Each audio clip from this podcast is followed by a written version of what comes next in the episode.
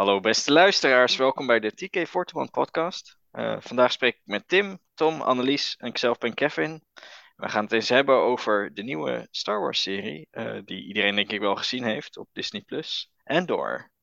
Um, voordat we wat meer op de inhoud ingaan, uh, misschien even iedereen kort je eerste reactie. Ehm, Tim, om met jou maar eens te beginnen. Ja, ik vond Andor een geweldige serie. Maar ik wil er ook meteen bij vermelden dat ik uh, niet wens te vergelijken met de andere series die er al geweest zijn. Want ik heb ook van die andere mhm. series genoten.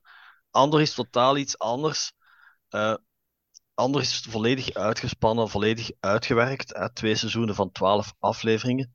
Als we dan bijvoorbeeld Obi-Wan Kenobi zien en Book of Boba Fett, dat zijn echt miniseries die een hoofdstuk vertellen eigenlijk uit het leven van personages die we al decennia lang kennen. Terwijl mhm. dit is echt een verhaal waarin dat, ja, het is een soort van origin story. Niet alleen van, van Cassian, maar van heel de Rebel Alliance eigenlijk. Uh, dus het is, ik, het is, ik vind het belangrijk, want je ziet nu weer overal die lijsten komen van rang uw favoriete series. Ik vind dat ze appel en een peer vergelijken. En, en allee, ik wil zeker nu niet doen nou, ik, nog voor dezelfde, ik vind Andor echt geweldig, maar dat wil daarom niet zeggen dat ik bijvoorbeeld die andere series ineens brol vind. Integendeel, ik vind die ook heel goed, maar om andere, gewoon andere facetten die in Andor aan bod kwamen, die in uh, de andere series niet, niet echt aan bod zijn gekomen. Voilà. Ja. Tom? Ik kan team wel bijtreden, maar ik vind het toch wel tot dusver het, het beste Star Wars-serie dat er op Disney Plus is uh, uh, verschenen is. Dus dat is mijn korte reactie. Heel kort. Kort, kort maar krachtig. Ja. Uh, Annelies, sta jij er ook zo voor? ja, ik volg eigenlijk wel Tim zijn mening daarin. Dus ik vond het ook een heel goede serie. ik hou ook niet zo van die vergelijkingen het is ook vaak nogal absolutistisch. En eh, vaak wat je dan leest is dat mensen iets goed vinden en daarna eigenlijk alleen maar andere dingen beginnen afbreken. Mhm. Dus dat vind ik dan wel jammer. Maar ja, inderdaad, het is, het is een hele, hele goede serie. En ik heb er echt van genoten. Ja, nou ja, ik, uh, ik, ik, kan dat alleen maar beamen. Het is uh, voor mij eerlijk gezegd vind ik um, Rogue One ook een van de betere Star Wars films. Dus deze serie die sluit daar echt perfect bij aan. Uh, nou ja, over een aantal elementen uh, zullen we het straks nog wat meer in detail hebben. Um, en, en het is inderdaad lastig vergelijken. En ik, ik zie inderdaad ook wel van die dingen nu voorbij komen met... zie je nou, zo moet het. En... Uh, die andere Star Wars series zijn allemaal uh, proddelwerk. Um, maar ik denk toch niet dat dat uh, echt uh, op zijn plaats is. Het is, het is heel anders. Um, ja, ja, Tim. Ik, ik, was een, even een, een, vergelijking onlangs aan het maken. Dat ik dacht van als we bijvoorbeeld drie episodes hadden gehad van de Book of Boba Fett, waarin hij in de. Sarlacc mm. nog stak, dan denk ik dat we allemaal totaal crazy waren geworden na die afleveringen. dus ja. weet je, dat is, het is een ander formaat en, en een andere snelheid. En het ene leent zich nu eenmaal beter tot, tot dat verhaal. Ja, nou ja, ik vond het, ik, wat ik wel een, een, een verademing vond, is uh, hè, uh, dat het in, inderdaad niet zo de hele tijd pieuw-pieuw, uh, ruimteschepen, lightsabers, et cetera was. dus dat het even een andere. Um, nou ja, een, een andere pacing had. Uh, en, en wat meer, uh, nou ja, toch de worldbuilding erin zat. Um, ja, en, en dat je gewoon echt wat meer details zag over, nou ja, het, het dagelijks leven onder het, het juk van het Empire. Uh, ja, dat maakt het toch wat interessanter. en ik, ik ben heel benieuwd naar seizoen 2. dat zal nog wel even duren, want het is pas in 2024. Ja, ja twee jaar wachten en nog even wachten. Hè. Ja, nou, dat is de moeite waard, toch? Ja, dat wel. Ja. Dat, dat 2022 duurt ook niet meer zo lang, hè? Nee, nog een jaar en een half. Alleen nog een jaar en een half. Nou, we, zullen, we zullen proberen ons eh, eh, in, deze podcast een beetje te focussen op eh, nou ja, de eerste helft van het seizoen. Omdat het anders misschien wat aan de lange kant wordt. Maar we zien wel even waar we stranden. E- een van de nou ja, meer gehoorde eh, kritieken die ik voorbij zag komen, was toch wel dat het ja, allemaal wat traag was. Eh, is natuurlijk wel een beetje waar, maar is, is dat per definitie slecht? Nee, ik vond dat niet slecht. Dat heeft, nee, ik vond het niet slecht, nee. Het heeft meer, het heeft het heeft meer met, met het verhaal te maken eh, Mhm. deze keer. En het hebben wel andere series, dat was, ja, het was direct een beetje actie, een beetje toch wel Ja. erin. Niet zo, niet zo traag, maar het komt allemaal tra heel traag op gang, dat is wel waar. Je krijgt niet zoveel actie te zien in het begin, eh, maar ik vind dat absoluut geen, eh, geen minpunt. Ja, en ik vind ook wat is traag. Ik vond het nu niet Ja, storend qua tempo. Er gebeurt toch wel vrij veel Ja, maar ze in die bedoelen traag, ja. hè? Ja, ja, er gebeurt wel heel veel, maar ze, ze verwachten meer schwung van in de eerste aflevering dat daar piu-piu wordt gedaan of ik weet niet wat. ja. Dat er al direct een battle wordt uitgevochten op Verx, dat verwachten ze eh, meestal eh, direct tegenwoordig. Ja, ik denk dat ze inderdaad direct verwachten wat is traag. Dat er, als er in de eerste vijf minuten geen lightsaber wordt Voilà. getrokken, dan is het traag. Voilà, voilà, eh, voilà. Maar eh, Ja. alleen, mij gaf Ander, of, of geef, want eh, je kunt het er zoveel keer herbekijken als je wilt. Eh, mij deed Ander heel veel denken aan, aan Britse dramaseries, zoals Mhm. Downton Abbey of The, Mhm, of The mhm. Crown. Eh, want ik ben, ben bijvoorbeeld veel meer fan van Britse series dan van Amerikaanse series. En daar ligt dat tempo, ja, ik bedoel, dat tempo ligt ook gewoon lager, omdat Ja. daar heel goed in wordt geacteerd. En omdat Ja. alles wat dat ze zeggen, en dat geldt zeker ook voor Ander, alles wat ze zeggen is van belang. Mhm. Ja. Er wordt bijna geen enkele zin gezegd zonder dat dat betekenis heeft. Ja, Inderdaad. het zijn inderdaad wat van Ja. die uitspraken die dan in een latere aflevering, Ja. dan denk je ineens van, oh, Ja. kijk, ja, ja. ja. Maar ik moet wel zeggen, hè, het, nou ja, misschien, eh, nou ja, zeker als je het natuurlijk vergelijkt met, eh, met, met iets als The Mandalorian of, of Book of Boba Fett, oogt het eh, misschien wat traag, omdat het inderdaad minder piu-piu is en, en wat meer inderdaad gewoon het, het verhaal. Ehm, maar ik moet wel zeggen, de, de afleveringen waren wat mij betreft ook wel snel voorbij steeds. Hè? Je zat te kijken en dan ineens was het, hè, dan ging dat scherm op zwart en dan begon die aftiteling en denk ik, huh, nu al? Ehm, eh, dus in, in die zin was het niet, het was niet traag als in van, nou, eh, hoe lang moeten we nog voordat Nee. dit afgelopen is? Nee, nee, het, inderdaad, bij elke aflevering was zoiets van, ah, verdomme, is het nu alweer gedaan? Voilà, is Mhm. nu al gedaan. Ja. De Ju, ik wil meer, ik wil direct meer zien dan, dan Ja. te wachten een week. Ja, dat is Ja, ja.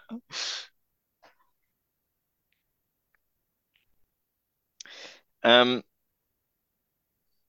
goed, misschien dan eh, even, even bij het begin beginnen. Eh, nou ja, de, de eerste paar afleveringen, eh, nou ja, die, die werden natuurlijk eigenlijk gewoon eh, ehm, met, met drie tegelijk eh, ehm, op Disney Plus gezet. Ehm, en vormen denk ik eigenlijk een soort van introductie tot het Mhm. personage Endor en een beetje zijn achtergrond. Er zitten natuurlijk ook wat, wat flashbacks in. Ehm, misschien even eh, mensen bepaalde hoogtepunten of, of dieptepunten mag ook hè, uit, uit, uit, de scènes ehm, nou ja, op Ferrix en, en natuurlijk voorafgaand daar op ehm, wat is die naam van die planeet ook weer? Morlana Eh, One. Op Ja, Morlana One, ja. Goh, wat mij wel opviel van die eerste aflevering is dat de, je direct zag eigenlijk dat de Empire nog niet overal zijn eh pionnen had gezet. Dat vond ik Ja. wel bizar. Allee, vond ik wel leuk om te zien dat er toch nog iets anders bestaat dan de Empire. Oké, die organisatie werkte samen met de Empire, maar je had zo het gevoel van de Empire was nog niet overal eh, druk bezet. Ja, Ja, dat is ook iets dat ik ook interessant vond, omdat je naarmate de serie ziet, ziet je dat voor Cassian eigenlijk de stakes higher worden. Mhm. Hè, want die Preox Morlana Security, dat, dat is eigenlijk iets wat we vroeger kennen uit eh, de boeken van Han Solo Mhm. in de corporate sector, waar dat de corporate die, sector, ja. ja, de Corporate Sector Authority, Ja, ja. dat is eigenlijk gewoon, ja, een privé security bedrijf, eh, maar ja, opgeschaald. Eh, dat het feit dat zij planeten en ook stelsels onder hun controle hebben. Maar ja, we zien dat dat toch niet allemaal de meest Zo werkt. fitte en Ja. geschikte Mhm. personages Ja, zijn. Trouwens, ja, ook ja. fantast, fantastische scènes met die mannen. Ja, ja, Zeker zeker. Sergeant, wat is Leonius Mosk. Mosk, ja. Ehm, Allemaal goede acteurs, hè. Allemaal zo goed geacteerd. Ja. En, en ja, de scènes op Verx. Allee, het feit bijvoorbeeld dat, dat Cassian heeft met ik weet niet hoeveel mensen schulden. Maar eh, niemand, ze zijn eigenlijk wel lastig op hem, maar niemand, niemand is echt kwaad op hem. Ja. Allee, ja. bijna niemand. Hè. Eh, dat zien we Mhm. op het einde nog terugkomen. Mhm. Dus daar heerst eigenlijk een grote kameraadschappelijke sfeer op die planeet. En dat wordt goed uitgebeeld, omdat alles. Ja, bijvoorbeeld, je ziet als die mannen gaan werken, dat die hun handschoenen daar hangen. In die Ja. fabrieken. Ja. En dat zijn gewoon details waarom dat, waardoor dat, dat leven daar echt ongelooflijk goed wordt uitgebeeld. Ook door die eh, vent die dan op die een hamer staat te kloppen. Mhm. Terwijl dat we uiteindelijk ook zullen zien dat die eigenlijk heel belangrijk is, omdat die het ritme van het leven bepaalt. Ja. Dat gebeurde vroeger in de middeleeuwen bij de kerk, dat die Mhm. klokken luiden. Vooraleer dat de horloge, dat het uurwerk werd Mhm. uitgevonden in de middeleeuwen, eh, werd dat op de kerktoren geplaatst, maar daarvoor was dat heel belangrijk. En we zien dat ook nog in andere culturen, denk ik, waarin dat een bepaald gebouw, bijvoorbeeld als een minaret, dat die echt nog belangrijke functies hebben voor, Mhm. voor, ja, voor religieuze redenen, maar in, Ja. echt voor, voor het ritme eigenlijk van de dag te bepalen. En dat zijn details die ik wel wel echt, eh, echt heel, heel, heel tof vond. Ehm, Ja. En wat ik, wat ik ook nog wou zeggen is dat ik vond het wel heel goed omdat dat ze gedaan hebben, omdat we wisten van, van Cassian een aantal dingen uit, uit eh, boeken. En die zijn veranderd in de serie. Onder andere zijn thuisplaneet, onder andere zijn leeftijd. Maar ze hebben dat schitterend omzeild, want ze hebben het effectief gewoon recht eh, ronduit gezegd. Mhm, ja. ja. Nee, ik, ik vond het ook wel interessant eh, dat, we, dat je ook daadwerkelijk iets meekrijgt van de cultuur op, op Ferrix. En, en dat het niet gewoon, oh ja, hij komt van die planeet, eh, verder niet zo boeiend. eh, hier is een, shot van de straat waar hij woonde, eh, door met de actie, pieuw en, en, en zeker natuurlijk ook in de, in de in, nou ja, vooral in de laatste aflevering kreeg je natuurlijk ook nog wat meer mee, maar daar zullen we het niet te veel nu over hebben. Um, ja, ook nog iets waar ik, waar ik aan denk, is dat uh, veel, veel personages in Andor zijn eigenlijk gewoon mensen. Ja. Uh, alleen Ja. gewoon, bedoel gewoon mensen, gewoon, het zijn geen, dat zijn geen helden, dat zijn geen helden die de Force kunnen gebruiken, of dat zijn geen Nee. helden met buitengewone gaves. Iemand like als uh, Brasso, die kameraad van Cassian, dat is gewoon, ja, dat is een grote mens. die, die is wel iets Mhm. sterker dan, maar ja, dat is gewoon een, een arbeider die daar in die fabriek elke dag moet werken. En Ja. iemand als die Salman Paak, die dan eh, die communicatie onderhoudt eigenlijk Ja. eh, met Luton. Ja, dat is iemand wel natuurlijk met sympathieën. Of met een antipathie voor het Galactic Empire. Maar ja, dat is ook maar iemand die dat zo'n Salvage eh, Yard eh, ja, controleert en die dat uitbaat. Ja. Maar dat is ook maar, maar een gewone, een gewone persoon. Ja. Ja, dan, Maar ja, dan- wat ik, wat, ja, wat ik, wat ik nog wel zeggen inderdaad over hè, die, die, die corporate security. ehm, ze waren natuurlijk wel een soort van gelieerd aan, aan de Empire. Hè? Dus het, het was wel duidelijk dat de Empire hè, dat stukje gewoon een beetje had uitbesteed. Hè, zodat ze er zelf geen stormtroopers, et cetera, hoefden te stationeren. Dus dat is wel een interessante ehm, ja, dynamiek, vond ik dat. Ja. Wat mij, wat mij vooral bijstaat is gewoon hoe, hoe, hoe de eerste aflevering een beetje begint. Echt op zo'n, eh, nou ja, een beetje zo'n seedy buurt. Met, eh, nou ja, Ja. de eerste steeg waar die doorheen loopt is soort van hè, de aliens van lichte zeden. eh, ja. En, en die bar die is ook niet helemaal fris waar die heen gaat. Dus dat, dat, zeg maar, dat zette wel de toon. En toen dacht ik, oh ja, dit is, ja. dit is niet echt een, eh, een serie die voor kleine kinderen Nee. eh, bedoeld is. Niet voor tere zieltjes, inderdaad. Maar dat was op Morlana One, hè, geloof ik, die beginscène. Ja. Ja, ja zeg maar die, hè, die, die nou ja, Ja, niet helemaal de- gedoogde, of althans misschien Ja. gedoogde, maar niet helemaal legale buurt. Ja, Eh, waarvan die natuurlijk later ook zei van, hè, ja, die, die twee guards die hadden daar helemaal niet moeten zijn. nu, nu moeten zijn, Eh. niet moeten zoeken, dus waarom zijn die daar geweest? Ja, Ja, inderdaad, ja. Dus even Ehm, corrupt waren die mannen wel. ja. Maar ook wel, zeg maar, wat, wat uit die eerste aflevering wel duidelijk was, is dat, eh, nou ja, ehm, hè, eh, Cassian eh, komt hier natuurlijk niet echt per ongeluk eh, helemaal in terecht, want hij, Nee. hij schiet die guard toch al echt, eh, Ja, nou ja, eh, bijna in koele bloeden gewoon dood. mhm. Weet je wel, het is niet dat hij, eh, oh, eh, nou ja, er heel erg over lijkt te twijfelen. Het is gewoon, zeg maar, this had to happen.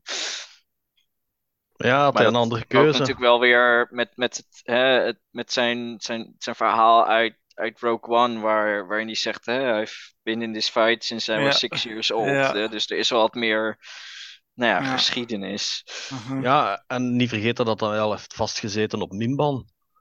Een Ja. tijd. Ja, klopt, dat heeft dus hij ook gezegd. hij zal gezegd hebben, eh, ja, dat, ik neem geen risico niet meer, ik wil niet Ja. meer teruggaan. Hè. Nee, Ja. inderdaad. En ehm, nou ja, misschien dan even ook chronologisch een beetje terug. Wat, wat vonden jullie van de flashback scènes? Goh, ik vond dat wel tof om te zien eh, van waar dat eh eh, Cassian vandaan kwam. Ik heb, in de in de boeken, ik heb de boeken nooit gelezen waar dat het eh, in de boeken, dat van, het, van in de boeken kwam of zoiets, zei Tim. Dat het een Nou, andere ja, planeet in- was of een andere origine. In de, in de visual guide stond gewoon dat zijn thuisplaneet een andere planeet was. Eh, Ah, maar niet ja. heel veel meer eh, detail daarover. Ah, oké, zo, ja. Goh, ik vond het wel leuk om te zien, zijn kindertijd. En dan ook de... Ja, ik vond het wel leuk.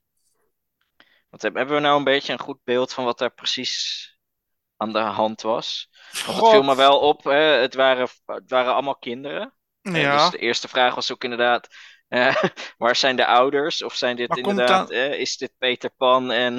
ja. Eh. Maar komt dan niet in de latere afleveringen dat ze zeggen dat de ouders toch dat de ouders gestorven waren of zoiets door een ik weet niet wat?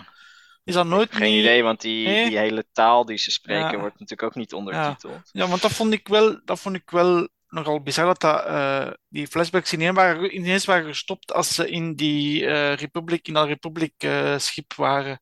En dan zijn die flashbacks in één keer gestopt. Nou ja, dat is natuurlijk de- het moment waarop, Ja, ja, dat weet ik, maar dat je nergens, ja, ja, maar dat je niet weet van wat het, wat het, wat zou het verder gebeurd zijn met de rest van Mm. die, die kinderen natuurlijk. Ik denk trouwens wel dat het schip niet een Republican schip was, maar een Een eh, ja, Ja. ja, inderdaad, sorry. Ja, ik Want ben- er ja, stond ja, wel inderdaad zo'n ja, logo ja, op de klopt. zijkant. eh, Inderdaad.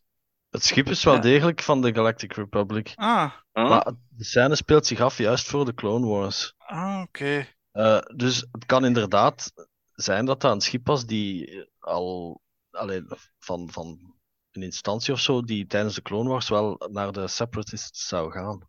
Hmm. Ja, want er stond wel zo'n dat, dat, dat Marva- logo eh, op, toch? Of Ja, niet? maar Marva zegt ook, als ze Cassian meenemen, van we moeten hem meenemen, want anders is de Republic toch daar. En dan, dan gaan ze hem arresteren. Dus het is wel degelijk een Republic schip. Ja, maar zou het niet zijn dat de Republic dat schip had neergeschoten? Ah, nee, want er komen toch uh, kloontroopers in voor? Nee, nee, nee, nee, nee, dat is later. Nee, dat is later. Sorry, sorry, sorry. Nee, nee, het, is, Mm, denk eh, het staat op de officiële site dat het eh, oh, speelt zich af Ja, voor de Clone Wars. En daarom dat Cassian zijn leeftijd ook veranderd is. Want hij is iets jonger, geloof ik nu, dan, dan, dan dat hij was. Hmm. Oké. Dus ik, allee, ik vond die, die, die flashbacks, ik vond ze zelf wel interessant, maar het is inderdaad ook, het wordt niet allemaal heel, heel goed uitgelegd. Ja, Er is, er is sowieso iets met die planeet, allee, dat daar waarschijnlijk rampen zijn gebeurd. Nu, als Cassian Mhm, vertrokken is, ja. is er sowieso een mijnramp gebeurd. Ja, want dat klopt, zeggen ze ja, ook, hè, ja. dat Marva zegt van, Ja. je zuster is dood, je moet er niet meer gaan Ja. naar zoeken. ja, waarschijnlijk zal er daarvoor ook iets zijn gebeurd, waardoor dat die ouders ja, er Ja, niet die meer zullen zich allemaal eh, Ja. doodgewerkt hebben in de mijnen waarschijnlijk. Ja, of misschien een, een burgeroorlog, of weet ik veel, of een opstand, of, of een ramp inderdaad. mhm. Wie dat ook mag uitgebouwd hebben, dat zien we ja, niet en dat komen we ook niet te weten. Ik heb even de Star Wars.com episode guide inderdaad erbij gepakt. Er staat inderdaad hè, flashbacks, nou ja, wat, wat Tim zei. En inderdaad, de crewers aboard the transport wear uniforms with a symbol closely related to the eventual separatist alliance. dus dat, dat symbool was wel duidelijk inderdaad Mhm. daar aanwezig, maar blijkbaar dus nog niet de echte separatist Ja. alliance. Oké.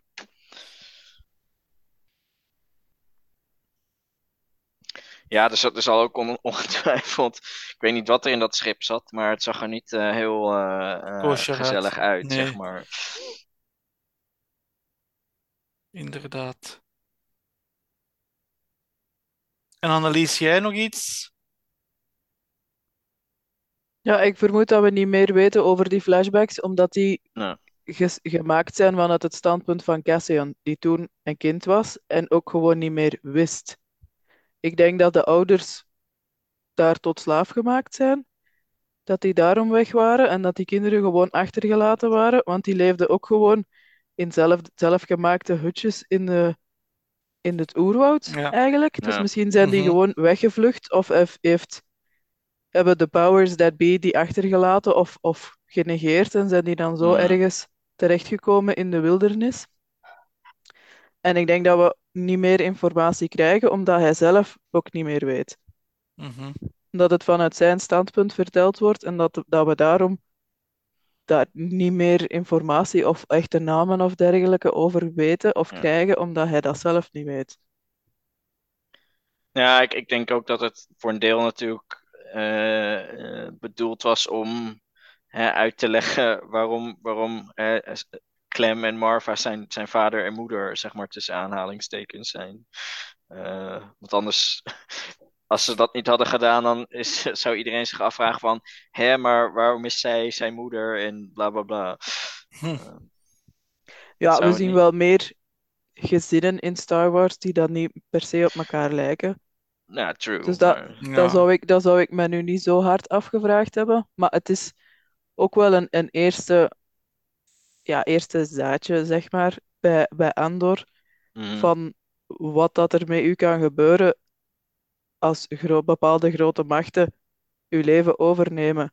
En Mhm. dat Ja. was toen, toen nog niet de Empire zoals hij het nu kent, maar hij, hij weet wel van kleins af aan al eigenlijk wat dat er met u kan gebeuren als er zo een, over, een machtsovername is. Dus ik denk dat dat ook wel daardoor van betekenis was om hem, ja, from six years old, al Ja. te, te laten kennismaken met wat is rebellie, wat is eh, overheersing, tirannie, zodat hij dat van, van kleins af aan al, al, ja, al meegemaakt heeft. Hè?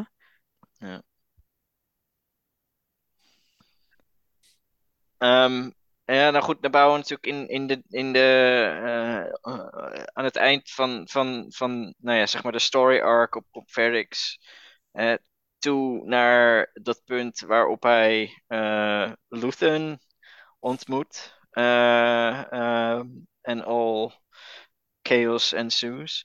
Ehm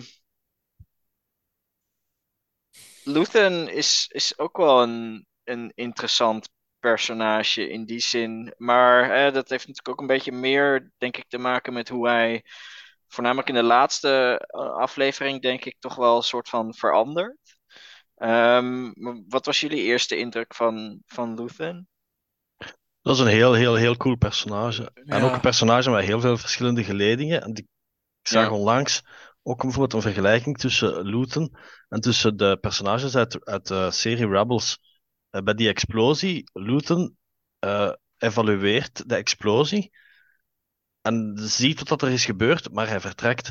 Terwijl moest dat bij Rebels zijn gebeurd, die hadden allemaal proberen die mensen te helpen. Ja. Ja, Ja. Maar Luton denkt altijd na naar de core en naar de kern en naar, naar eigenlijk ja, de bron, voor de bron van, good. right. ja, Ja. Ja. naar de bron van, van opstand kijkt Luton altijd. Hij kijkt niet Mhm. naar die individuele pionnen. En daarom dat, dat hij later ook die aan, aan Tom Krieger eh, opoffert. Eh, Ja. Maar hij kijkt Ja. altijd naar, naar de bron van, van de opstand. En dat is voor hem super, super belangrijk. En ja, ik vind dat een heel interessant personage, omdat hij, hij zegt het zelf ook. Hij gebruikt... Hij moet... Hij gebruikt ja, iedereen dezelfde- om tot, ja, Ja. Ja, en hij gebruikt soms dezelfde methodes als het Empire om, om Ja. tot resultaat te komen. Maar ja, dat, heeft hij- dat, dat, dat maakt hem zo koelbloedig en, en eh, soms voor mij toch heel beangstigend. Eh, hoe dat, de manier hoe dat hij daarop kijkt voor toch zijn doel te bereiken. Ik denk in Dus, die eh, kadertjes die je zo vaak ziet op internet met die Mhm. RPG-klasses, is looten dan niet chaotic good? Ah, ja. Ja, hij gebruikt chaos om toch zijn... Ja, ja, waarom Ja, nee, chaotic Is good dat is dan iets niet eerder in de zin van dat je, like als Gandalf bijvoorbeeld zegt tegen Frodo van ik kan de ring niet aannemen, want ik zou hem alleen gebruiken voor goed te doen. Ah, ja.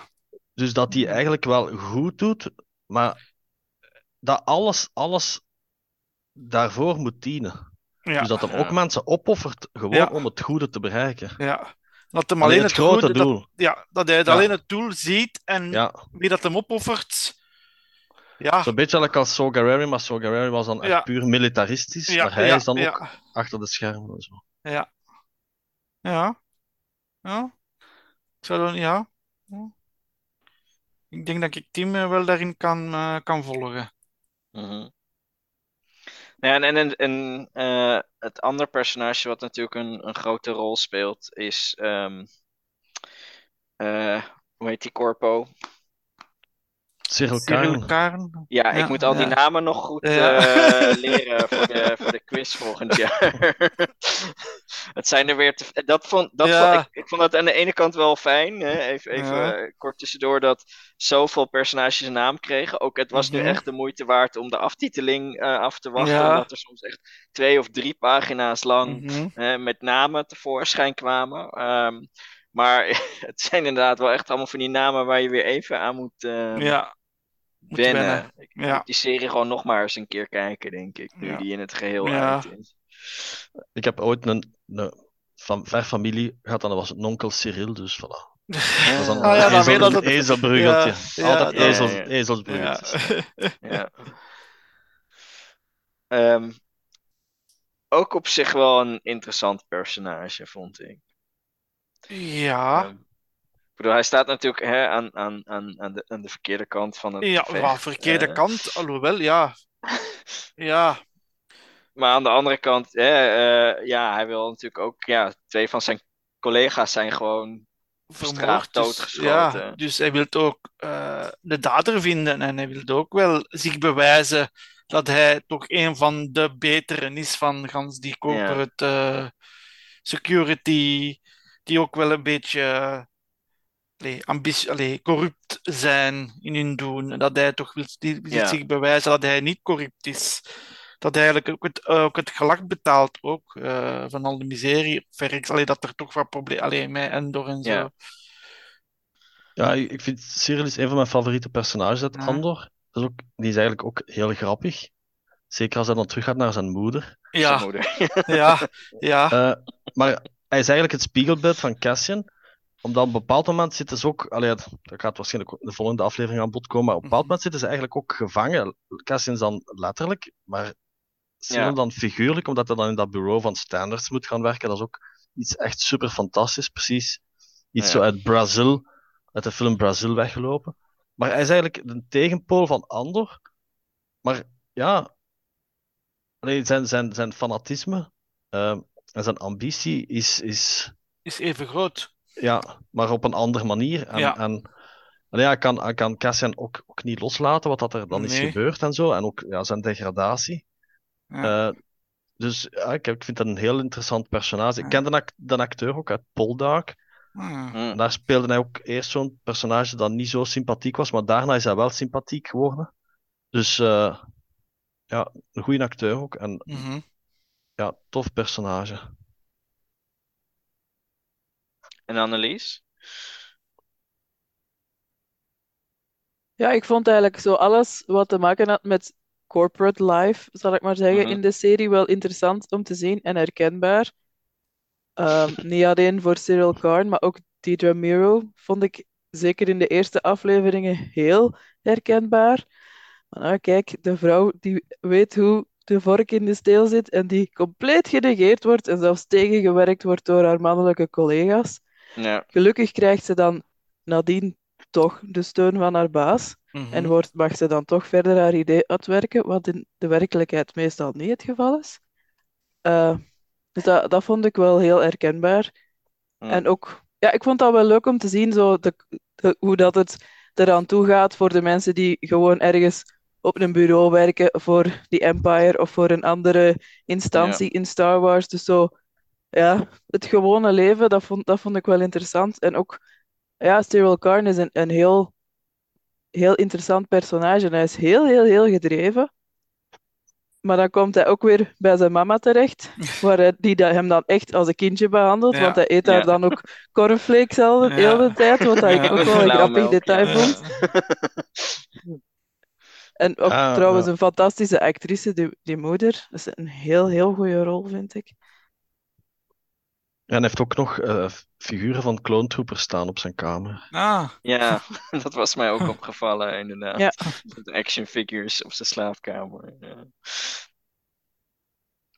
Ja, hij is iemand die, die heel, denk ik, heel erg bezig is met de regels en met het juiste te doen. En die voor hem is waarschijnlijk ja, het juiste dan de wet ja. van degene die aan de macht is. En of dat dan Ja. moreel het juiste is of niet, dat zal voor hem minder, regels minder volgen, spelen. gewoon, ja. Maar eh, uiteindelijk heeft Ja. hij ook geen ongelijk, want Cassian heeft wel die mensen vermoord natuurlijk. Mhm. Ja. Dus Mhm. hij, Ja, ik, kan een zie hem ook niet als een, een, een slecht Ja. persoon. Nee. Nee, is Cyril dan lawfully neutral op dat kader? Ja, Ja. ja eigenlijk wel. Ja. Ja. Is, ja, ik zeg het, ik heb ook, allee, ik vind het een interessant personage. Ik vind hem ook niet echt een bad guy, omdat ik, Nee. iedereen- Nee. allee, ik, snap wel zijn beweegredenen. Ja, maar het is, geen, is geen, inderdaad geen bad guy. Je kunt er, ik, heb, ik heb er sympathie Ja. voor. Allee, je kweekt er sympathie Ja. voor. Nou ja, hij is inderdaad. uit- is, als- zeker als hij bij zijn moeder komt. eh, Hij is er een verwend, hij gewoon een is beetje is- zielig. Ja, hij is er misschien een verwend ettertje, maar Ja. eh, En dat, en dat, dat, en dat zijn mama dan via zijn oom nog een ja, via ISB of toch ergens. regelt. ja, dan ja, heb je ja. inderdaad wel een beetje medelijden. ja, met- ja, Ja, ja, ja, ja. Hij wou eigenlijk alleen maar Ja. onderzoeken Ja. waarom zijn collega's waren doodgeschoten. Ja. Ja, die job bij Fuel Purity lijkt mij ook niet echt zo geweldig Nee. interessant te zijn. Nou goed, dus na de afleveringen op, eh op Ferrix eh, eh, gaan we ook wat meer zien. nou ja, buiten het, het verhaal rond, rond Andor zelf. Hè, onder andere het, het hele nou ja, gebeuren op, op de, de ISB, waar Annelies het net ook over had.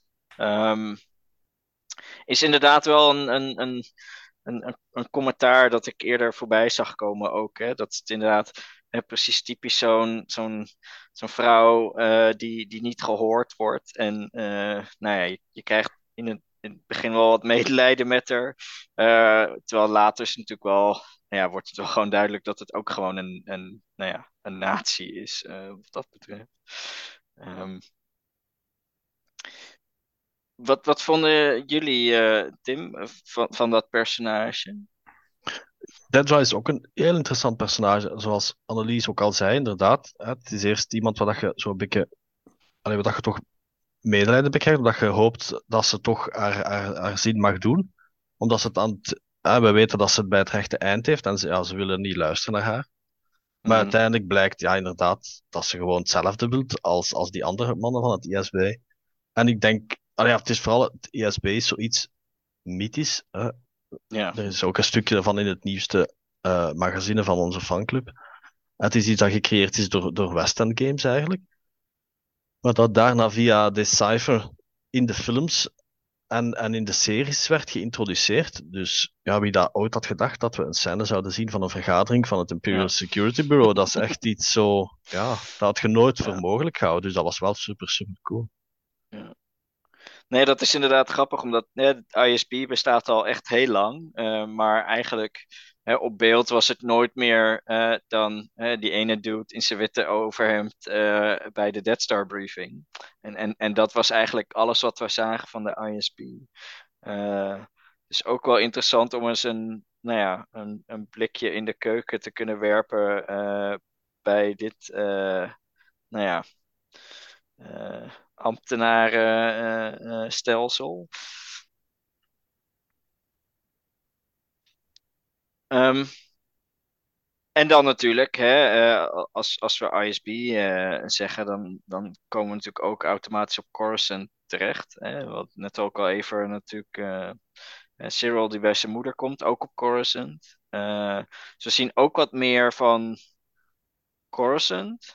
Eh, eh, waren dat dingen waar we op zaten te wachten? Ik vond dat wel, een, wel heel leuk om te zien hoe dat ze dat ook in, be- in beeld gebracht hadden. Dat het zo minder neon was, zoals in, in eh, de prequels bijvoorbeeld, Mhm.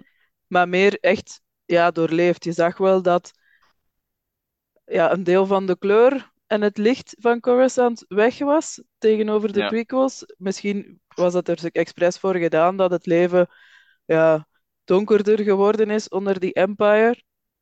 Want je zag heel veel beton en, en strakke lijnen en, en zo. En, en toch veel minder zo dat, ja, dat, dat neongevoel dat ik daar dan bij had in de prequels. Ja. Dus ik vond dat wel interessant om te zien. En je zag ook weer ja, dagdagelijkse scènes van mensen die openbaar vervoer nemen en die naar hun werk gaan en zo. Nu, ik kijk natuurlijk geen tv om de trein te zien of zo, maar het is wel, wel eens interessant om, om in de Star Wars wereld zo wat meer dagdagelijkse dingen te zien dan alleen Ja. maar grote verhalen en misschien minder realistische of minder herkenbare verhalen die dat je voordien te zien kreeg. Ja. Ja, Tim. Ja, wat dat mij vooral aan die scènes op Coruscant is bijgebleven, is dat daar, allee, de scènes die vooral dan gaan tussen Mon Mothma en tussen Luton, hè, want Mon Ja. Mothma is denk ik toch iemand waar we zelfs sowieso nog even bij gaan moeten blijven stilstaan. Dat is vooral dat er in elke scène een soort van spanning heerst. Eh, precies zodat ze, ja, ze weten dat ze in de gaten worden gehouden. Eh, die, die spanning geldt ook trouwens voor, voor de andere scènes in de serie.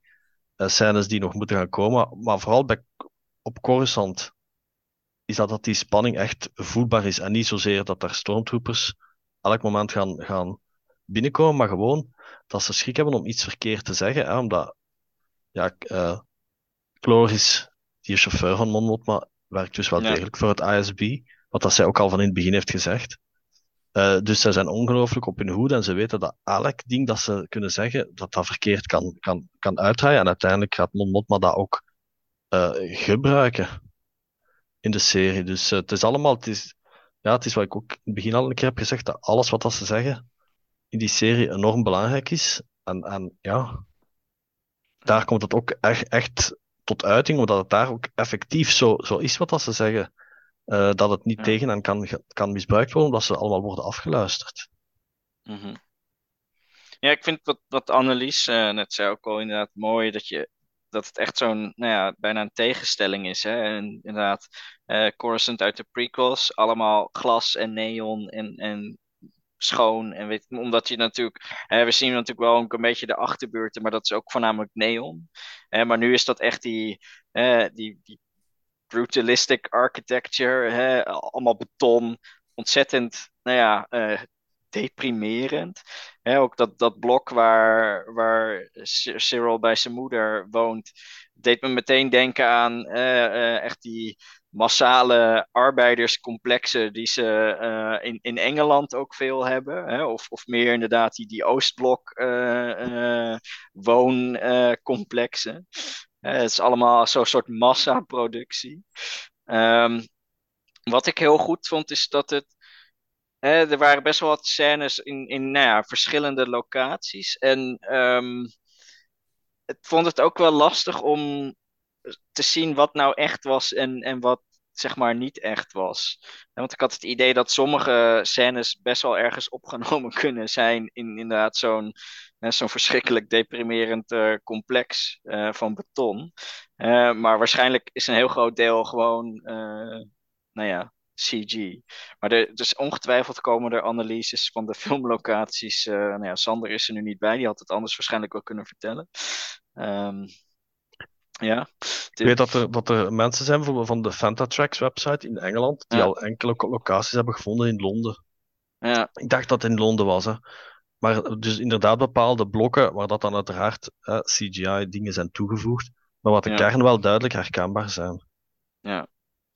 Nou ja, een van die, ehm, was het niet, eh, zeg maar, dat soort, ehm, wat is het, een, een vliegveld of zo? Is toch eh, Nee. is een of andere showroom van McLaren of zo? Wat was het?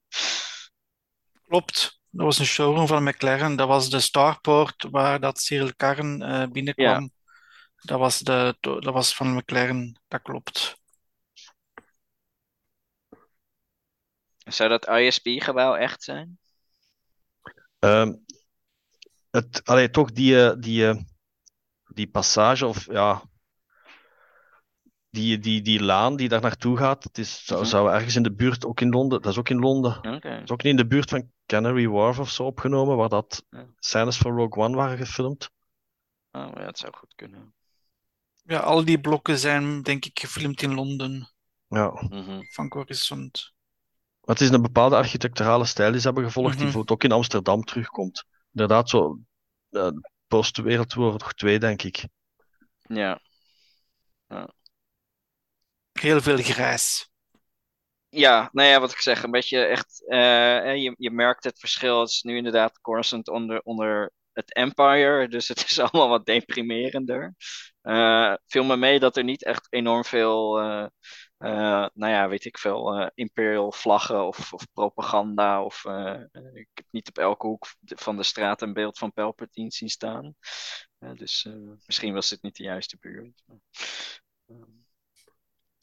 Ik vond trouwens het eh, hoofdkwartier van, van de ISP ook wel eh, interessant. Het was allemaal zo super steriel wit. eh, eh, ja, I don't know. Echt. Ja. Precies zo iets van de Empire. Eh, Heel clean. gewoon geen lol op je werk hebben. Eh, niemand die een bobblehead op zijn bureau had staan of zo. Ehm, ja, nou ja. eh, Tim noemde het ook al even. Eh, natuurlijk, als we het over hebben, dan hebben we het natuurlijk ook over eh Mon Mothma. Eh, was eigenlijk voor mij wel het naastje waar ik tijd al op zat te wachten. Hè, na die eerste drie afleveringen, toen dacht ik van, waar is Mon Mothma? Want die zat- we wisten dat ze eraan zat te komen. Ja, wat, vond je van die rol? Ik vond, ja, moet ik zeggen? Ik vond haar, ja, die rol, ja, ik ken de actrice wel van, de, van Hmm. Rogue One, maar de rol van Mon Mothma heeft me wel verbaasd, omdat ik er een ander beeld van had. Dus zij is ook wel de geldschieter van, van Luton om de rebellion op te starten. Ja. Maar gaandeweg de serie merkt ze van, oei, ik heb me misschien toch wel iets of wat verkeken, ehm, hoe of wat, hoe dat de rebellion, hoe dat de rebellie moet opstarten. Dus, eh, en naarmate dat de serie volgt, ziet haar toch wel veranderen, vind ik toch. Een beetje cooler worden. Ja. Oké, ze moeten ook veel opofferen, dat gaan we wel later bespreken. Maar ik zie haar toch wel eh, cooler worden en ook eh, bepaalde quotes dat ze zegt of zinnen dat ze zegt, dat ik zeg van, dat ik echt wel van, eh, van slikte van ja, kan op de, kan op de zinnen niet komen, maar eh, Mm. dus ja. Ja. En ze had natuurlijk nu ineens eh, een man en een dochter. Ja. Dat Ja. wisten we ook niet eerder, volgens mij. Nee. En Expanded Universe was dat volgens mij ook altijd een beetje vaag. En Tim? Een dochter had ze wel en de zoon ook. Oh, oké. En de, Ah. dochter, de dochter noemde, als ik me niet vergis, zelfs Lida in het Expanded Universe. Dat is nu eigenlijk Lida. Oké. allee, de I en de E zijn, zijn omgedraaid. Eh, Maar van een echtgenoot, ja, vermoedelijk zal ze die wel hebben gehad vroeger in Legends. Maar daar was niet echt Ja. sprake van, allee, toch niet expliciet. maar het was ook niet een heel gelukkig huwelijk. Ja, Annelies? Nee, ik denk, zoals het er nu aan toe gaat, vermoed ik dat wanneer dat we haar terugzien in de original trilogy, dat die man, dat, dat daar geen sprake meer van gaat zijn. Want Nee. ik denk dat hij zich wel goed voelt in zijn luxe leventje, Ja. eh, in de hogere echelons van Coruscant, Mhm. en dat hij zeker niet, zich zeker niet geroepen gaat voelen om mee te doen met de rebellion. Nou ja, hij weet er ook niks van, hè. Dus, eh, Nee, maar ik denk dat het hem ook niet interesseert. Ja. Dat, gevoel krijg ik daar toch uit. Als ik naar de serie kijk, is dat ze echt een verstaanshuwelijk hebben en dat ze eigenlijk verder niet veel met elkaar te maken hebben, dat ze ook niet veel met elkaar gemeen hebben. Ja. En dat ze eigenlijk heel erg naast elkaar leven. Ja. Voor haar is dat dan ook een voordeel dat hij haar ook niet kan verraden of zo, want hij weet het niet. Mhm. Maar ik denk, ja, uiteindelijk, vroeg of laat zal, komt ze bij de Rebellion terecht en, en is ze geen senator meer. Hè? En ik denk dat, Ja. dat, dat, dan, dat dan op dat moment de banden met de man en waarschijnlijk ook de dochter wel zullen doorgeknipt worden. Ja. Ja. Wat, ik- wat ik wel grappig vond is, eh, ik heb ook, ook de serie met, met, met vrienden samen gekeken en die zeiden van, is ze nou weer al op een feestje? Eh, dus het geeft wel een beetje aan inderdaad, hè, dat is, dat is waarschijnlijk dat luxe leventje wat haar man, eh, nou ja, wel prima vindt, maar wat voor haar natuurlijk een soort van, nou ja, eh, noodzakelijkheid is om zeg maar een soort van undercover toch met bepaalde mensen even kort eh, een, een, een gesprekje te hebben. Waar, waar ik me soms wel afvroeg van, zitten ze nou daadwerkelijk op die bank gewoon over de Rebel Alliance te praten? Horen die mensen die daar omheen zitten dat allemaal niet? Maar ja, dat hadden ze vast een of andere geheime Star Wars eh, anti-afluister eh, technologie voor of zo. Maar Tim, wou jij wat zeggen? Nee, ik, ik, snap wat Oké. bedoelt. Nu, die, die, die feestjes die waren ook wel, wel eh, leuk. Ja, Omdat bijvoorbeeld uh, Tay Colma vind ik ook een interessant personage, ook een goede acteur. Eh, dus ja, het, het is, ik denk dat Mon Mothma ook, ja, dat ze alsmaar als de serie vordert, alsmaar begint te beseffen dat, ze, dat er veel eh, meer en meer op het spel begint te staan.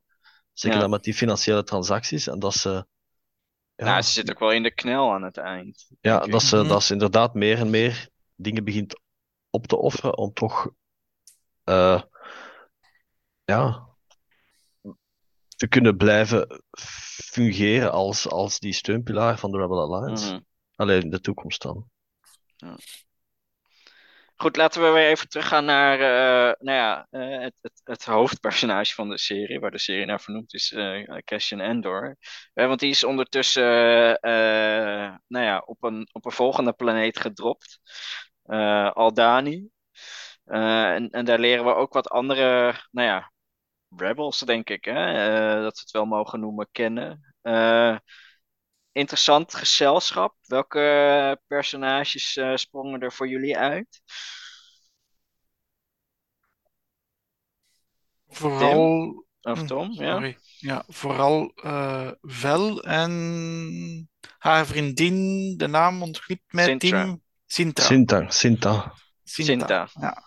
En ik zou ze niet zo eerder al rebels, rebellion, allee, rebels noemen. Dat is precies zo een bont allegaartje van eh, mensen bijeengeraapt om een missie te voltooien. Dat zou ik, allee, zoiets toch. Allee, Dat zo, wel, wel als de met- Rebel met- Alliance. ja, ja, inderdaad. Het begin van een rebelcel, ik zal het zo zeggen. Voilà. Ja. Ik vond, alleen, wat, wat mij vooral opviel, is dat we in die drie afleveringen die personages eigenlijk allemaal op korte tijd heel goed leren kennen. Ja. En ik vond die eigenlijk allemaal wel, wel interessant. Vooral Caris Nemik, dus dan ja, die, die, de jongste en de meest zachtaardige, die, die ook dat traktaat schrijft, vond ik eigenlijk een heel interessant personage. En ik hoop dat we nog ergens daar iets gaan over te weten komen. Ja. Eh, Val en Sinta vond ik ook interessant, maar ja, we komen later ook meer over, over hen te weten eigenlijk. Hè, dan de connectie tussen Val en Mon Mothma. Eh, Mhm. maar ik vond dat ja, heel, heel goed gedaan dat je in die drie afleveringen echt die personages zo goed leert kennen. Ook omdat dat dan natuurlijk opbouwt naar die episode 6, hè, waar ze dan uiteindelijk dan die inbraak eh, plegen. En dat dat ook nodig was, omdat dat anders geen enkele zin had. Dat je zo, Ja. dat je kon meeleven met die personages en met die aflevering. Mhm. Maar dat vond ik wel ja, heel goed gedaan. Ja, Tom? De jongste was ook de meeste, de, de meeste idealiste Ja. van de groep. Die echt zo in geloofde. Allee, zo... Ook Nou met- ja, met- ik, vond dat ook interessant hoor. Dat hij, hij was zo'n zo'n manifesto aan het schrijven. En later werden ook in een latere aflevering, volgens mij was dat de laatste aflevering, of er werden ook inderdaad stukken daaruit gequote. ja, hij, hij, hij zag hij altijd wel inderdaad wel, wel door wat er aan de, aan de hand was, inderdaad. En dat is denk ik ook een beetje het thema van, nou ja, van het hele seizoen, denk ik. Hè? Dat inderdaad, dit is niet iets wat, wat zomaar gebeurt. Hè? Dat is uh, iets, iets wat langzaam uh, en mensen raken eraan gewend en, en langzaam maar zeker. ja. ja, Tim? Ja, want we mogen natuurlijk ook niet vergeten dat Cassian niet naar Haldani trok om die missie te voltooien, maar omdat Lutem hem 200.000 credits had beloofd. Mhm. ja. Dus hij was eigenlijk een huurling, en hij zegt het ook zelf. Ja. Mhm. Uh, ja. En hij kon op dat moment ook geen andere weg, hij kon niet terug naar Ferrix. Dus uh, ja, hij was daar niet mm uit ideologische redenen, maar vooral uit financiële redenen. Ja. Annelies, kijk jij daar in, tegen? Inderdaad, dat, dat, is, dat vond ik ook wel frappant, dat die hele uh, ja, Aldani-verhaallijn, was dat Nemik dan daar uiteindelijk ogenschijnlijk toch minder moeite mee had dat Cassian een huurling had. Hij had daar wel commentaar op, maar hij probeerde hem dan eerder te overtuigen. Terwijl dat het andere personage, ik kan nu niet op zijn naam komen, uh, dan zijn ah, ja. had afgenomen en echt hem aanviel en zei van, hey, jij bent een huurling, het is hier, dat gaat hier wel over belangrijke zaken en de rebellie en die viel hem dan, viel Cassian dan echt aan. En achteraf bleek dan dat hij zelf eigenlijk er gewoon in bij was voor het geld. Want die, zou, die, die ging dan gewoon het, de helft van het geld gepikt hebben en de rest laten zitten hebben. Ja. Waarna dat Cassian hem dan gewoon vlak af doodschoot. Waar dat ik eigenlijk wel van schrok toen ik die aflevering ja. zag. Ik zat er echt zo van, wow, oké. Okay. dus dat, dat vond ik wel, wel mooi gedaan. In die ganse verhaallijn is de, de moraliteit van de personages niet altijd duidelijk. Er wordt heel veel gespeeld met wie is er nu goed, wie is er slecht, wie, wie ja. of wat, wat betekent goed of slecht. Want ja, Cassian is, is, niet, is daar omdat hij betaald wordt. Maar hij doet uiteindelijk ook wel moeite om dan Nemik toch nog bij die dokter te brengen.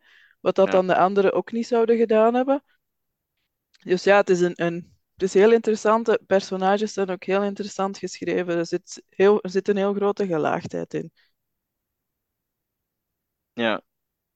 Ja, nou terecht punt ook wat, wat, wat Tim net noemde. En, en dat is grappig, want ik heb dit in een, in een, een review, uh, noemde iemand dit wat ik gelezen had. En daar zeiden ze inderdaad ook van, het is niet zozeer dat, dat Cassian op allemaal avonturen gaat. Nee, hij, hij, hij is gewoon steeds op zo'n plek aanwezig en dan hè, gebeurt die shit. Uh, hè, dus hij, hij, hij, wordt op Aldani gedropt en uh, ja, uh, hij, hij, moet maar meedoen. En inderdaad, in de latere aflevering loopt hij op het verkeerde moment naar een winkel toe. En nou ja, dus het is meer dat er dingen met hem gebeuren in plaats van dat hij daadwerkelijk nou ja, op avontuur gaat. En wat meer, meer de Mandalorian of zo is, die echt nou ja, zelf naar, naar dingen toe gaat. Dus dat is ook wel een grappige. Ik vond dat wel een, een interessante opmerking in die zin. Ja. Ja, nog even, wat dat Tom ook uh, straks al eerder zei, is dat we inderdaad ook op Aldani nog altijd geen stormtroopers zien. We zijn al een niveau hoger en we zien dan army troopers en we zien wel officers, maar nog altijd geen stormtroopers, omdat uh, stormtroopers zijn de elite soldaten van het Empire. Uh, die, zijn, die staan los van de Navy of van het Army, die kunnen door beide uh, worden opgeroepen. Maar veel mensen beseffen dat niet, omdat wij zien de stormtroopers, ja, die kunnen niet schieten in de films. en en die, die vallen like als vliegen, maar dat zijn eigenlijk elite soldaten. En dat is wel goed dat het, dat het duidelijk is dat Empire ook vaak gewoon, an, gewoon ja, de soldaten van het leger inzet, like als op Aldani, like als later ook op Ferrix. En dat vind ik wel Ja. ook, dat ze dat ook ja, goed hebben beseft bij Andor, om niet zomaar bij stormtroopers te strooien, maar dat die niet overal waren. Ja, Mhm. Ook omdat natuurlijk Nee. niet, oké, we weten wel wat dat er op Aldani lag, hè, allemaal dat, ja, die gigantische hoop centen voor die, voor die lonen te betalen. Maar waarschijnlijk dat Empire, omdat ze inderdaad zo, zo zelfzeker waren van zichzelf, dat ze niet de moeite deden om die basis echt enorm, enorm sterk te, te bewaken.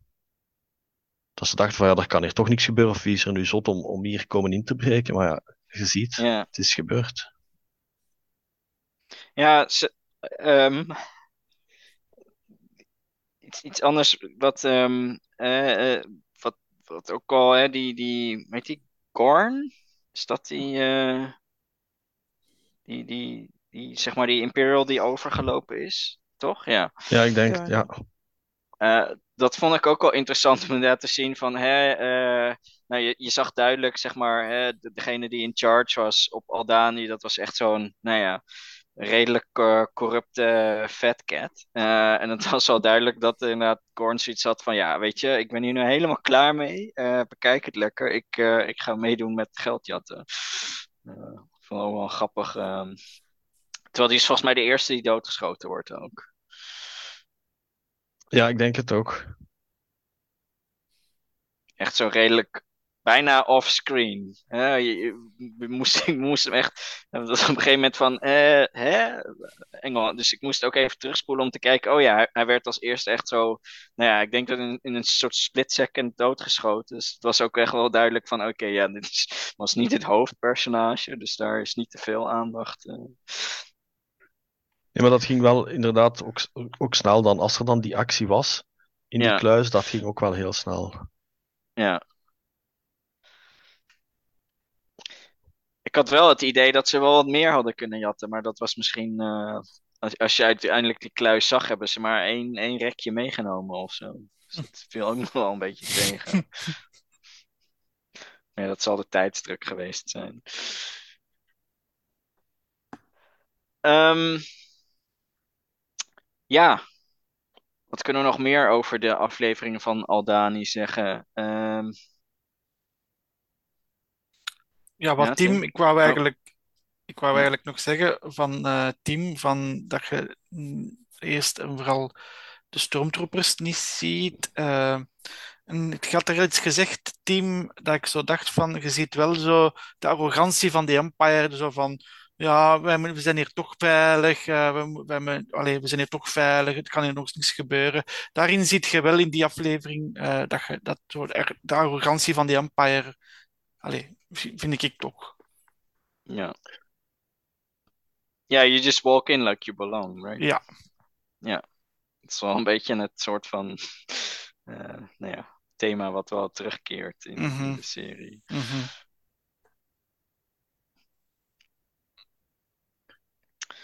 Ehm, ja, nee, ik denk dat we het over die andere afleveringen later moeten gaan hebben. Eh, want anders wordt deze podcast wel erg lang.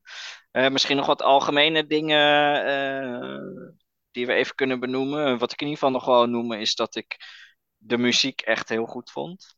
En je merkt echt, zeg maar, de muziek helpt ook bij, bij de spanningsopbouw. Vooral in die scènes dat dan hè, bijvoorbeeld Mon Mothma zo in die, eh, in, in, die, eh, nou ja, in, die, in die limousine van de shit. Dat je echt inderdaad die, die spanningsopbouw van die muziek hebt. En dan, eh, nou ja, vaak daarna snel al de eindcredits. Het- ja, ik vond dat wel echt heel sterk. En dat voegt wel echt de sfeer toe voor mij. Tim? Ja, kan daar niks anders eigenlijk over, over, over zeggen. Ik vind dat ook. Het is totaal iets anders dan de muziek van John Williams. Ja, Ja. Ze hebben dan wel dat Niamos thema, dat, die remix, die ook bijvoorbeeld terugkomt op Coruscant, maar op een ander eh, tempo en alles. Eh, Mhm. Dus er zitten wel een aantal melodieën in die herkenbaar zijn, maar het is iets totaal anders, maar het past perfect bij de serie. Het is Ja, heel goede een- muziek. ja Annelies? Ja, het is meer zo een modernere soundtrack, zou ik zeggen. Terwijl dat John Williams is meer zo, ja, symfonisch. Dat is Ja, iets klassieker. Ja, het is ook klassieke muziek, maar het is meer zo iets moderner, meer elektronisch. Ja, het doet me dan meer denken aan zo de muziek bij Stranger Things bijvoorbeeld. Hmm. De originele muziek dan, hè, niet de liedjes die ze gebruiken. Maar het is, ja, het is wel meer ja, elektronisch voor mij. Maar ik vond het ook heel goede muziek. Heel goed bij passen. Tom? Ja, en eh, de, de scènes van Verix op die de intro-reels dat je kreeg, de Sissel-reels, allee, de, Ja. in het begin dat ze zeiden dat de muziek wel allee, degelijk op de scène zelf werd gespeeld, vond ik ook wel heel, heel goed eigenlijk. Heel, heel tof. Dat was ook wel redelijk nieuw, dacht ik, dat ze echt wel de muziek speelden op de scène zelf. Dus dat vond ik wel eh, heel tof gedaan. Ik vond de muziek, ja, ik kan iedereen beamen. Allee, ja, Team Annelies als eh, Kevin beamen. Ik vond de muziek heel passend bij de serie en het greep, allee, het, het gaf een extra dimensie aan de serie, echt van emoties en zo. Allee, het gaf wel. eh, Ja. Nou ja, en inderdaad, wat Annelies al benoemde, inderdaad heel anders dan het meer symfonische werk wat we uit de films natuurlijk eh, kennen. Ehm, maar zeker bij de stijl van de serie, ja. Mhm? Iets wat we denk ik ook eh, even moeten aanhalen is het feit, eh, iets dat je denk ik ook wel eh, af en toe kunt lezen online, is dat er heel weinig alien species in meedoen in Andor. Ja. En dat vooral heel veel, heel veel mensen zijn. Ja. Nu, mij persoonlijk stoorde dat niet, omdat ik denk dat dat wel ergens logisch is in verschillende gevallen. Hè. Het Empire is zeer gericht op mensen en zeer anti op, op, op andere species. Ehm, en ja, er kunnen niet altijd evenveel aliens zijn op, op alle planeten. En op Verk zijn er wel Nee. degelijk, maar ze zitten gewoon een beetje meer op de achtergrond. Ja, nou ja, goed. Ik bedoel, ik heb hier natuurlijk wel voor, voor de, de blog al eh, inderdaad ook naar gekeken. En ik bedoel, het is ook in sommige opzichten wel logisch hoor. Want nee, het is duidelijk dat Ferrix gewoon een, een planeet is waar voornamelijk mensen wonen. Dus er zitten inderdaad wel wat aliens, zeg maar, sprinkled in de back. Eh, maar voornamelijk inderdaad gewoon gerecyclede kostuums eh, uit, uit de sequel trilogy. Eh, en dan natuurlijk op Aldani, ja. Eh, zien we sowieso niet zoveel personages. En de meeste die we zien zijn Imperials. Eh, en, en die locals, dat is ook gewoon een groep mensen. En dan, ja, op Coruscant. de meeste scènes op Coruscant, nou ja. in, in de ISB zul je niet zo gauw aliens zien. dus dat valt al af. Eh, en, en de rest van Coruscant is voornamelijk het appartement van Mon Mothma, waar dus wel af en toe wat aliens zijn die daar in zo'n zo'n zo'n feestje zijn. Eh, en, en de rest is die winkel van ehm Luthen. Hè, wat misschien ook nog wel interessante scènes is aan zich, omdat er natuurlijk van alles en nog wat op de achtergrond eh, te, te zien is. Eh, dat vond ik zelf ook wel grappig, inderdaad. Hè? Want je ziet onder, onder andere dat kostuum van, van Starkiller uit The Force Unleashed. Ik zag wat dingen van Indiana Jones staan op de achtergrond. Een hoop van die artefacten die ze blijkbaar nog eh, over hadden van, van de prequels. Ja, die helm van eh, Amidala en, en van die Wookiees, eh Gungan Shield. dat is ook wel nou ja, interessant. en het zou, zou grappig zijn als we daar nou ja, toch ook nog wat meer over te weten komen. Want ik ben wel benieuwd wat er nog meer verstopt stond. Ik denk dat Ja, dat op de, de Star Wars account gestaan heeft. Een, over, een overzicht van alles wat er te zien was. Oh, alles. Oké, Op de- ja. Ja, ik weet niet of het echt alles was, maar op social media is er wel zo'n overzicht geweest. Ja, ik zag al wat voorbij komen, inderdaad. Eh, onder andere dat ze zeiden van hey, in een van die Carbonite eh, dingen zit, eh, wat was het, de zweep van Indiana Jones ook of zo? Ja, Dat zou Ja, kunnen, ja. De, de spullen die in die winkel zijn, s- allee, te zien zijn, zijn ook volledig erin gestopt door, door ah, de crew zelf of ja, door, door, door, door het prop department. Dus Tony Gilroy, hè, dus de bedenker en de schrijver van de serie, had dus totaal geen idee wat dat het was. Dus ze hebben ook verder niks te maken met, met allee, Luton is Nee. uiteraard die antiquair. En hij weet wel, maar, maar snap je, ze hebben niks. Het is niet omdat daar toevallig een lightsaber is, dat Luton ineens een, overlevende Jedi of zo zou zijn, zoals hier nee, nee, nee, maar het zijn beweerd. wel hè. leuke Easter eggs. Ja, het zijn echt pure Easter eggs voor, voor de fans dan eigenlijk, maar ze staan los Ja. van het verhaal. mhm. Ik hoop nu wel echt dat dat geen overlevende Jedi is, hè. Luton, dat zou ik, dat zou ik nu echt, dat zou ik nu echt stom vinden. Eh, Ja. Ja. Dat is inderdaad het stomste wat ze kunnen doen. ja, ik, ik zag het, eh, ik zag het al voorbij komen ergens op, eh, op Reddit, geloof ik. Van, zou hij een Jedi zijn? En toen dacht ik, nee. Nou. Ik had ook ergens gelezen, oh maar goed dat de sequelfilms gedaan zijn, want anders hadden de mensen weer theorieën beginnen schrijven dat Bix de moeder was van Ray. Ja, of Snoke. Ja, Snow komt nog, de Snow komt nog terug in het tweede Ja, deel. dit, ja. daar zullen we het nog eventjes kort over hebben. Ehm, ja, en het andere wat, wat ik dus al in het begin noemde, wat, wat ik heel fijn vond aan, aan deze serie, was dat er zulke uitgebreide credits waren. Hè, maar ook eh à la Rogue One, dat steeds als we een nieuwe planeet in beeld kregen, dat gewoon even de naam in het scherm werd gezet. Dus dat je ook gewoon, dat het niet weer, eh, nou ja, hè, voor, voor de mensen onder ons die eh, daar stukjes over moeten schrijven, of in het magazine of op, op Jodopedia of zo, dat het, ja, onbekende woestijnplaneet nummer 27 was. Ja, Tim? Ja, wat dat mij ook vooral opviel, dat was in de eerste aflevering dat je echt die 5 BBY-datering ziet. Dat is de eerste keer dat Ja. het echt onscreen gebeurt, hè, omdat die Ja. BBY is uitgevonden door West End Games. En voor hun spel was dat een Ja. logische datering. Maar eigenlijk, als je voilà, de datering wordt algemeen aangenomen. Maar eigenlijk, als je dat nagaat, is dat een onlogische datering, omdat ze die Battle of Yavin als nulpunt gebruiken. Hè. Wij gebruiken hier, of, hè, of dat je nu met de geboorte, of dat je nu in Jezus Christus gelooft, ja of nee, wij gebruiken hier in, in West-Europa en, en, en, eh, in Amerika en zo die datering. Hè.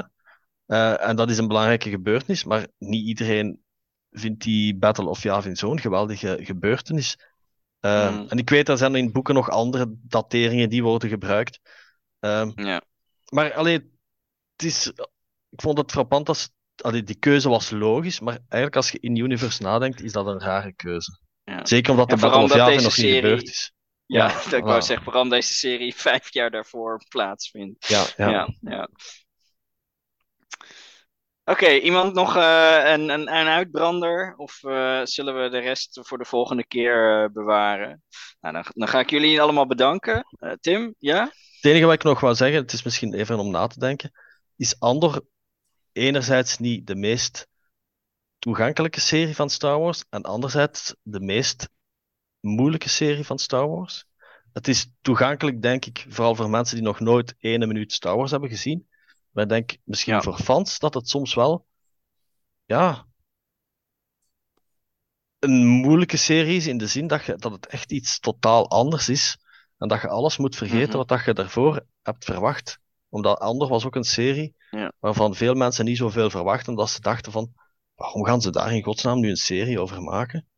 Maar ja, het is wel een serie Ja. die enorm goed is uitgewerkt geweest. Nou ja, ik moet eerlijk zeggen, ik had toen, toen Andor werd aangekondigd, nooit verwacht dat we zoveel scènes van de bureaucratie van het Empire eh, zouden zien. Hè, inderdaad, je verwacht inderdaad stormtroopers, eh TIE fighters, eh, maar eh, ja, dat, dat de rebellion niet alleen maar vechten is, maar inderdaad vooral een hoop gekonkel achter de schermen en eh, moeilijk gedoe met eh, geld bij elkaar sprokkelen, et cetera. Dat is natuurlijk ja, iets wat niet heel erg ehm, eh, in het licht is gevallen tot nu toe. En, en dat vond ik wel heel fijn aan de serie. Dat het inderdaad wat meer, nou ja, eh, de echte problemen op de achtergrond en niet alleen maar de, de battles. Oké, nou ja, eh, jullie bedankt in ieder geval. Eh, we gaan het volgende keer hebben over de, de laatste zes afleveringen eh, en, en, en onze bevindingen daarvan. Eh, en dan wil ik de luisteraars natuurlijk ook bedanken. Tot de volgende keer. En eh may the force be with you.